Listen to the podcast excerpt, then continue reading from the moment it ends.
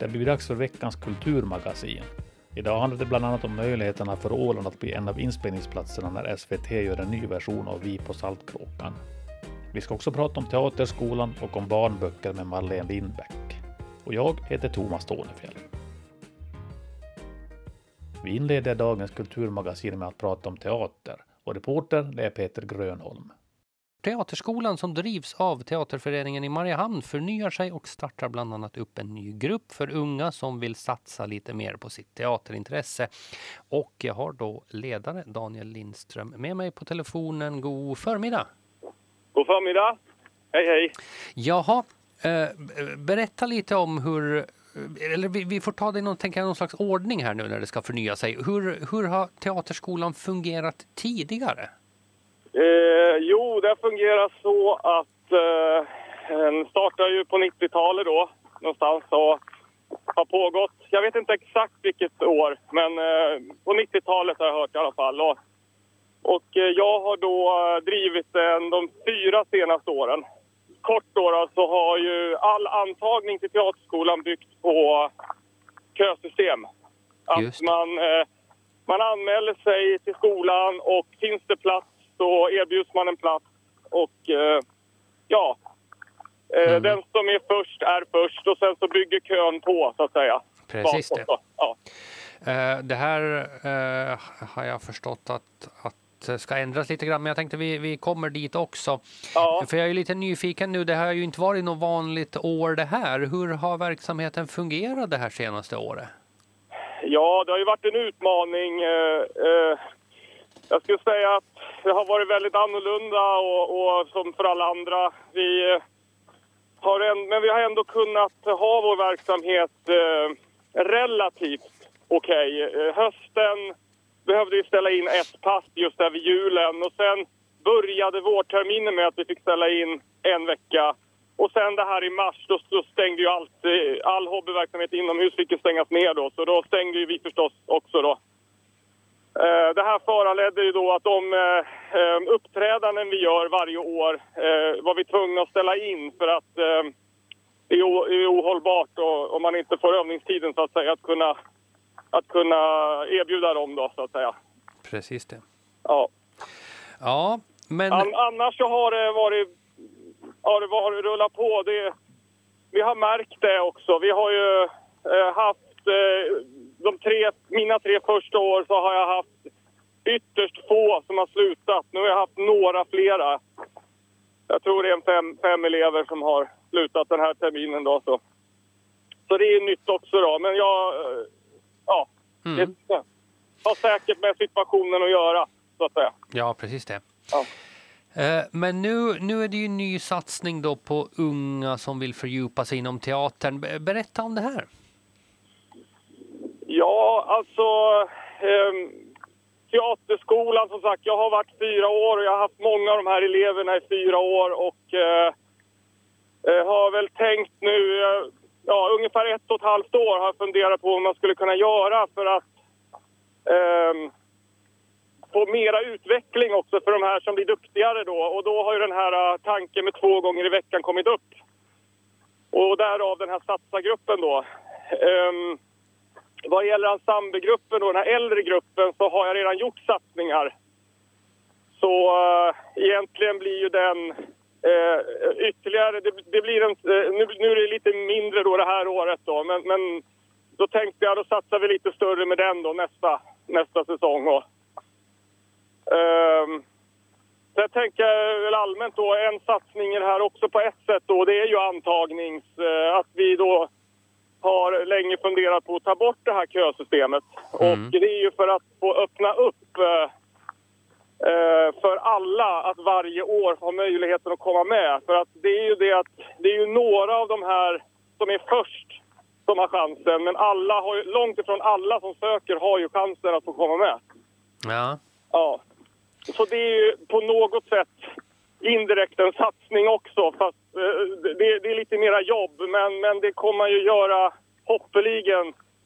Att, att flera känner att de får chansen och kanske också tänker att jag sö kan söka för jag har chansen att komma med. Precis som, ja vilken, egentligen vilken eh, högskola eller så som helst. Att man har ju chansen om man söker så att säga. Ja, Ja, och, och även då om man kommer på att söka lite sent så spelar det inte så stor roll då när det Nej, blir... precis. Och det, det, exakt, det stämmer jättebra. För det har ju också att, det har ju till och med hört att ah, det är väl ingen idé att söka nu för vi är ju i april och vi har ju haft folk som har från hösten och kanske också från våren innan fortfarande står i kö för att de har köplats 17 från början och så här då. Att, eh, att nu, nu, nu har alla möjlighet att få komma och, och, och ja, träffa oss då och, och ha en liten intervju då som det här är. Den här uttagningen innebär ju egentligen att vi att vi träffar eh, de intresserade som anmäler sig och, och eh, har en liten kort intervju med dem och frågar lite om varför de söker och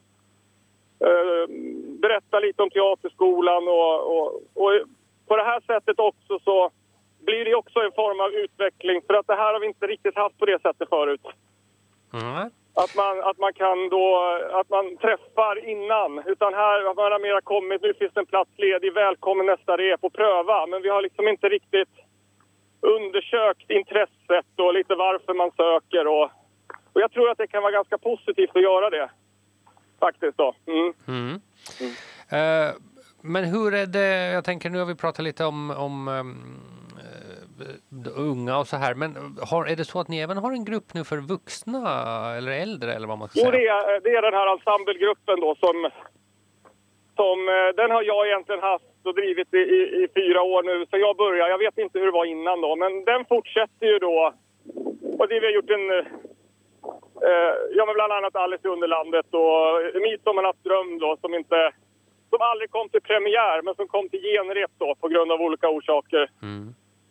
Eh, I år har vi ju jobbat med en, en mindre pjäs som inte kom till premiär i Stadshuset eh, på grund av corona. Då, då. Eh, och, eh, men men eh, nästa eh, säsong så försöker vi då att satsa igen. Och, och att satsa lite större då, som i det här fallet Hamlet, eh, beror ju på att, att eh, få in lite flera Eh, människor igen då och spela teater och ge flera möjligheten att vara med. Och, och att eh, också ha ett material där man får utvecklas ordentligt.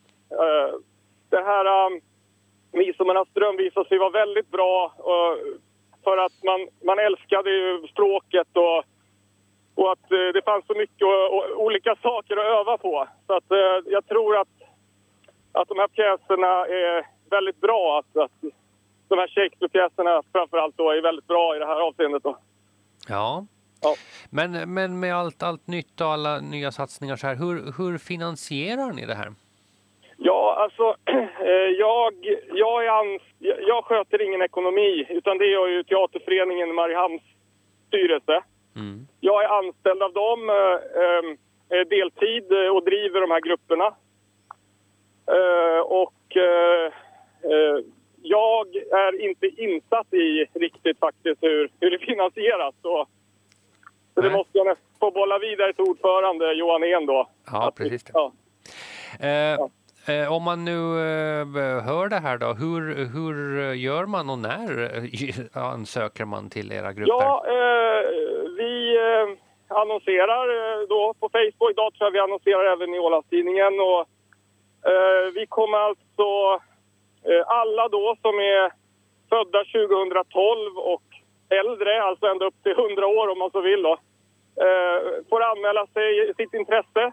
Och, ehm, och egentligen så söker man på sitt födelseår i början då, eh, så här va. Men att... Eh, ehm, vill man då gå med i den här, vi har skrivit det också i annonsen, att vill man gå med i den här satsa-gruppen och vill satsa och är mellan 11 och 15 år då, så, så skriver man med det i sin ansökan. Och eh, vill man, känner man att jag vill bara ha teater, jag vill ha det lite som jag haft det med en gång i veckan, för att eh, då söker man den gruppen som man eh, har, ja, alltså det som det har varit tidigare då. Så att, att eh, den möjligheten finns ju också. Mm. Och eh, för att den här satsargruppen ska bli av så behöver vi 10 till 12 elever. Får vi inte ihop det så kommer det ju eh, inte bli någon satsargrupp förstås. Utan då, då, har, då förstår vi att i så fall att intresset inte är tillräckligt stort för en satsargrupp. Och då fortsätter vi med grupperna likvärdigt som vi gör idag. Eh, men med lite annorlunda upplägg.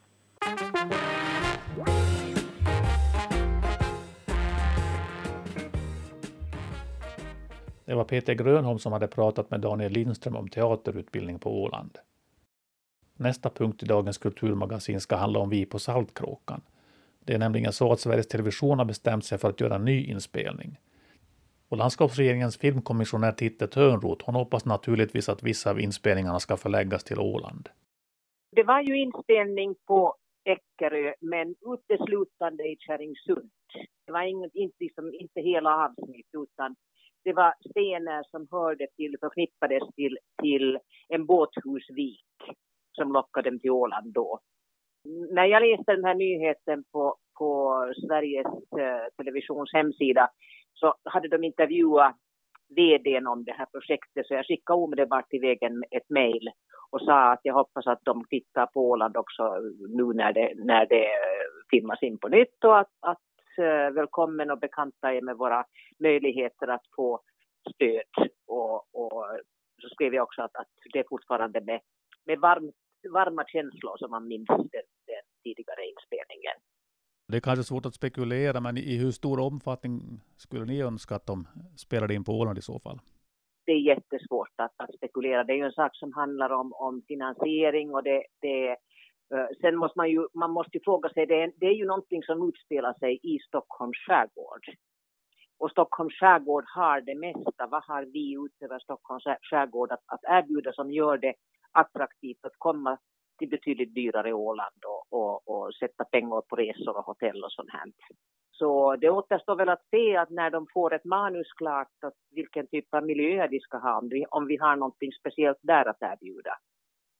Men den ska ju spelas in först om, om två år, sommaren 23.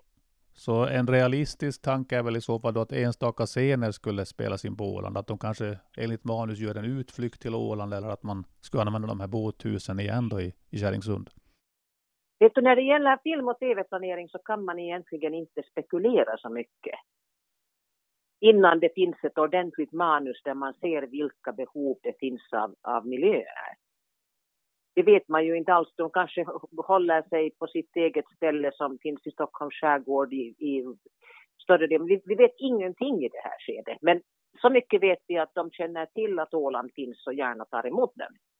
Men det skulle kanske till mycket stöd då för att man skulle få till en, en sån sak att det skulle spelas in mycket på Åland? Det vet man inte heller i det här skedet. Det lämnas ju i så fall en, en ansökan och, och av totalbudgeten så är det ju aldrig, det åländska stödet är ju aldrig mer än en toppfinansiering. Vi kräver ju att största delen av finansieringen alltid är i, i, i hamn innan man får söka av oss.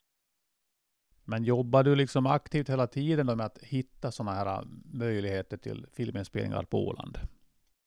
Absolut. Jag har, jag har det där jag har hela tiden tentaklarna ute och, ute och kollar vilken typ av produktioner som, som äh, ska spelas in om det finns någonting där vi har någonting att erbjuda. Självklart. Om man nu tänker på Saltkråkan då, som är aktuellt nu lite grann så där är det förstås att det spelades in på en, en ö då, original som man kallade Saltkråkan. Och ja, jag vet inte om det ligger nära till hands att man vill göra det igen. Det är som du säger, det, det, det vet man överhuvudtaget inte.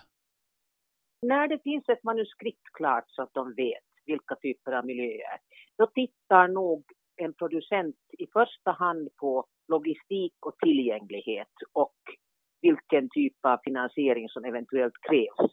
Men om det är en SVT-produktion så måste de ju utgå ifrån att de har det mesta redan finansierat inom själva bolaget. När de en gång har fattat ett produktionsbeslut. Men om man tänker rent allmänt på det här med att man sätter en produktion till någon plats där man få stöd, alltså ser du några negativa aspekter av det där? Det ser jag nog inte. Det är så som det är i världen idag. Alltså det är ju enormt svårt att få finansiering till mångmiljonprojekt inom film och tv-branschen. Och, och då är det ju helt klart att man raggar pengar som producent där det överhuvudtaget finns en möjlighet att få någonting. Och, och, det är verkligheten i hela, i hela det där eh, filmvärlden idag, att, att finansieringen, det är ytterst få som, som ytterst, ytterst få i världen som har pengar så att säga att finansiera hela filmen själva, en hel produktion, utan det är ofta en blandning. Men se på den här Gatta Christie-serien, det är pengar från England, det är pengar från Tyskland, det är pengar från EU-fonden, det är pengar från Nordisk film och TV-fond, det är pengar från TV4. De har lite egna pengar i bolaget också satta i produktionen och sen gick Ålands landskapsregering in.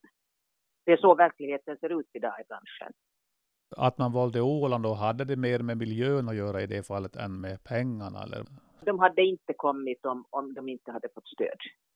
Så det är den mm. ekonomiska verkligheten. Men samtidigt så får man ju aldrig glömma att det stödet som, som en produktion får, de pengarna blir ju kvar på Åland. De får ju pengar som, som, som ska användas här. Och så ja. fungerar det i, i, alla de här filmkommissionerna, att man, man, man helt enkelt lockar till sig folk, de får, får, får pengar för, för utgifter på orten. Och det, det är ett sätt också att, att ge ett, ett näringslivsstöd som, som EU godkänner. Annars är det ju svårt att stödja näringslivet enligt alla regementen och lagar och paragrafer som finns. När man ger stöd så, det, så stannar pengarna kvar. Det är ju liksom då någonting som man lyfter fram. Och sen det här med fotspårsturism. Men vad tror du om det? Är det, är det en så stor grej det här att folk kommer att åka till olika platser? Och... Det återstår att se. Där är det bara att hoppas när det gäller Agatha Christie för att för att Agatha Christie-namnet så, så lockar enormt mycket fotspårsturism uh, i de miljöer där, som beskrivs i böckerna eller som beskrivs i filmer och sånt. Så det är bara att hålla tummarna och hoppas. Men det är ju inte det primära målet, utan det primära målet är att få hit filminspelningar som, som bor någonstans, hyr, anställer, helt enkelt gör det levande och samtidigt bidrar till att sätta Åland på, på den internationella kartan man ska hålla tummarna att, att vi får hit så många som möjligt. Men vi, vi har inte så rysligt mycket att konkurrera med när man jämför med andra platser och länder.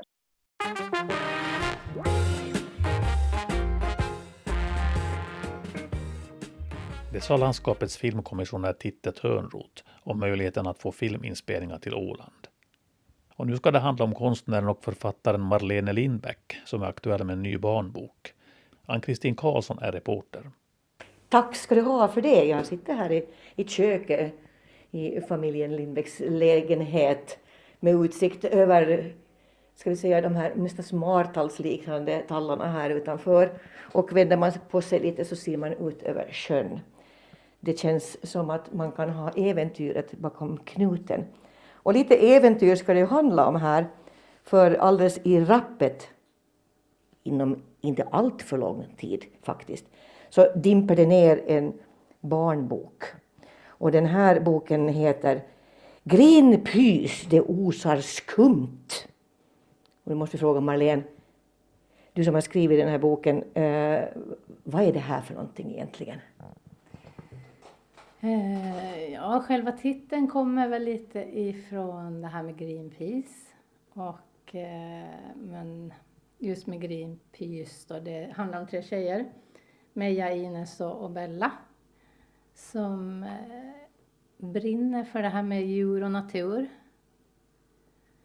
Och eh, de bestämmer sig för att göra någonting i, i deras namn liksom. Och, ja, de bildar en grupp då som heter Greenpeace med Y. Var, var det här någonting som, som kändes naturligt att att göra en, en egen liten grej av Greenpeace till Greenpeace? Mm, jag tycker ju det, att det, det låg mig nära på något sätt. Jag är ingen expert på miljöfrågor alls, men jag tycker att det är nästan det viktigaste vi kan prata om idag. Och därför har jag väl valt det då som, som tema i den här serien. Ja, för det, det här är, som kommer nu, det är första boken i en serie som är planerad att bli tredelad. Vad, hur kommer du att ta de här flickorna vidare sen från det första till det sista? Det kan vi komma tillbaka till. Men, men de rör sig i en liten stad. Och någonting i mig säger att den där stan kanske vi rent befinner oss i. just nu? det kan vara Mariehamn, ja. Det kan vara. Nej, men det är det nog. Men det är inte uttalat Mariehamn utan det är klart att det är Mariehamn eftersom det är vår närmiljö. Hur, hur har du tänkt då när, när du liksom ska skriva om en lite ruggig historia eh, och samtidigt sen då placera den i, i Mariehamn? Hur, hur får man liksom den här närmiljön att bli skrämmande? Mm. Kanske inte så mycket närmiljön som är skrämmande utan vissa företeelser som händer och sker. Och eh, själv, jag har tagit avstamp helt enkelt ifrån min egen tid då, mellan 9 och 12 år. och vad jag var intresserad av att läsa. Och vad jag plöjde för böcker. Och det var spänning och relationer och just det som den här boken också handlar om. Mm. Den, den riktar sig till barn mellan 9 och 12 år. Det hinner hända ganska mycket från att, det är att man är 9 tills det att man är 12 och prepubertal och hela det där köret. Kommer man att märka mycket av sådana saker i, i de här storyna? Eftersom jag, jag vill ju egentligen hålla kvar här, den här serien så länge som möjligt och då kanske man inte ska prata så mycket om ålder på flickorna, för de växer ju då liksom. Men man vill hålla dem kvar mellan 9 och, och 12 eller 8 och 13. Mm, så det, det, är lite det är flytande kan ja, vi säga. Ja, det är flytande ålder. Hur länge har du liksom hållit på med det här projektet nu?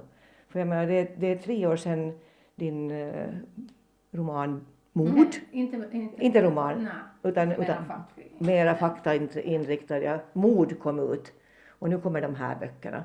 Har det varit liksom på gång hela tiden? Ja, men det kan man nog säga att det har varit på gång med skrivandet sedan dess. Det gick liksom inte att sluta efter mod. Eh, nej, men just den här idén kom till tillsammans med två vänner.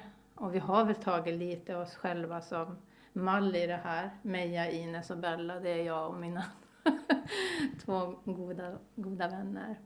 Det är det inte egentligen, men det är vi som ändå har skapat tillsammans lite idén. Så du får ge lite cred åt dina kompisar på det viset? Absolut. Irene och Benita heter mm. Men fick lite olika namn här i, i, i Ja. den här boken i alla fall. Men eh, det här har nu pågått ett bra tag i alla fall innan det kommer så långt så att det, det kommer en bok att hålla i handen. När skrev du de första raderna? Nej, men det kanske var ett år sedan som jag började skriva. Och sen har det bara rullat på efter det. Sen har det bara rullat på. Jag har nog börjat på den här andra delen också. Mm, den här första heter då också Det, det osar skumt och den här följande som, som nu kommer sen då när den är färdigskriven så i den så, så kommer man att, eh, att eh, vara på ett läger på en bondgård. Vi kanske inte ska avslöja alldeles för mycket omkring det men, men är temat ungefär detsamma liksom genomgående att, att det handlar mycket om det här med, med miljön och det som kan vara lite skumt kring det hela. Mm. Där vill jag hålla med. Eh, och sen undviker jag kanske ordet miljö. Jag, jag pratar mer om djur och natur. Och liksom lite sådär för deras talan vill de här tjejerna göra. Eh, Ordet miljö är så abstrakt i den här åldern, Mm. tänker jag. är det också rent av lite på något vis uttjatat att folk inte riktigt reagerar för det. Ja, och eftersom jag också vill få in det här med empati och vänskap och sånt så tycker jag att ja, men djur och natur ligger närmare ens hjärta ändå än ordet miljö. Det här med att, att skriva för barn och att skriva för vuxna, vilket du gjorde i din förra bok, din första bok. Det, det är ju ändå olika, ska vi säga, vi, vi är kanske på lite olika nivåer, men, men eh, hur har det gått för dig att tänka dig in i den här barnanivån? Det är väl det som har varit en utmaning och det roliga i det här egentligen, att, att göra det. Få gå in i, i ett annat perspektiv. För det måste man ju göra.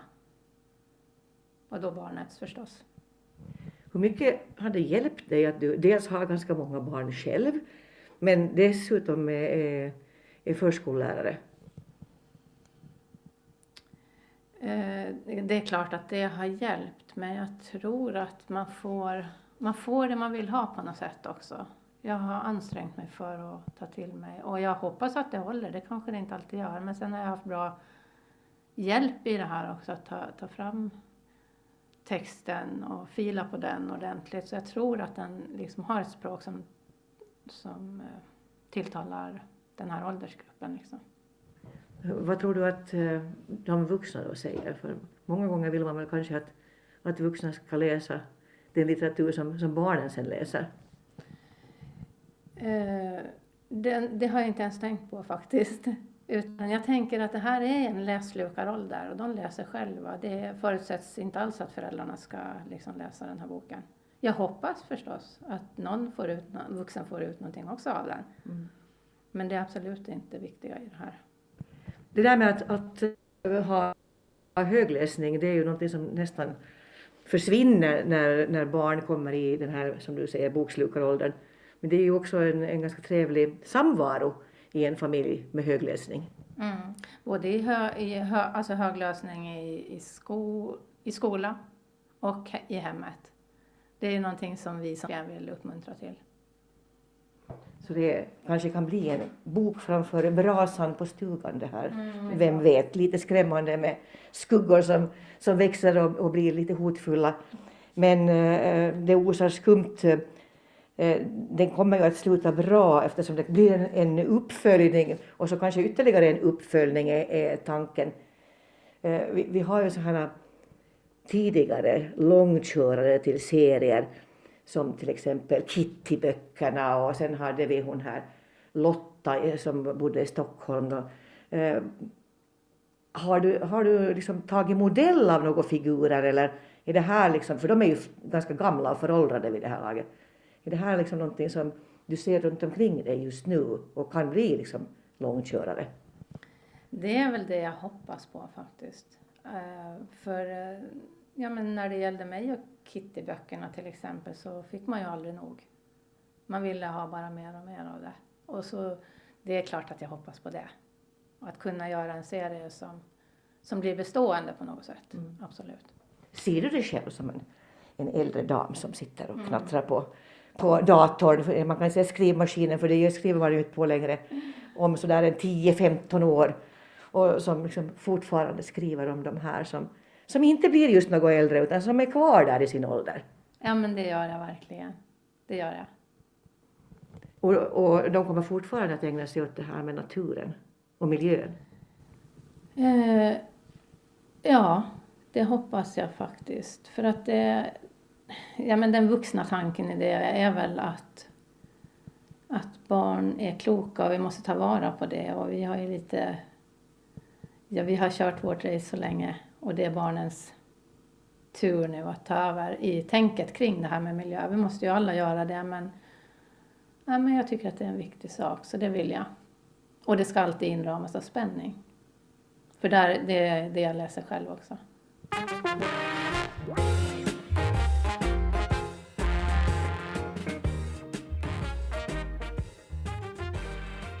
Det var allt från veckans upplaga av Kulturmagasinet. Jag heter Thomas Tornefjell.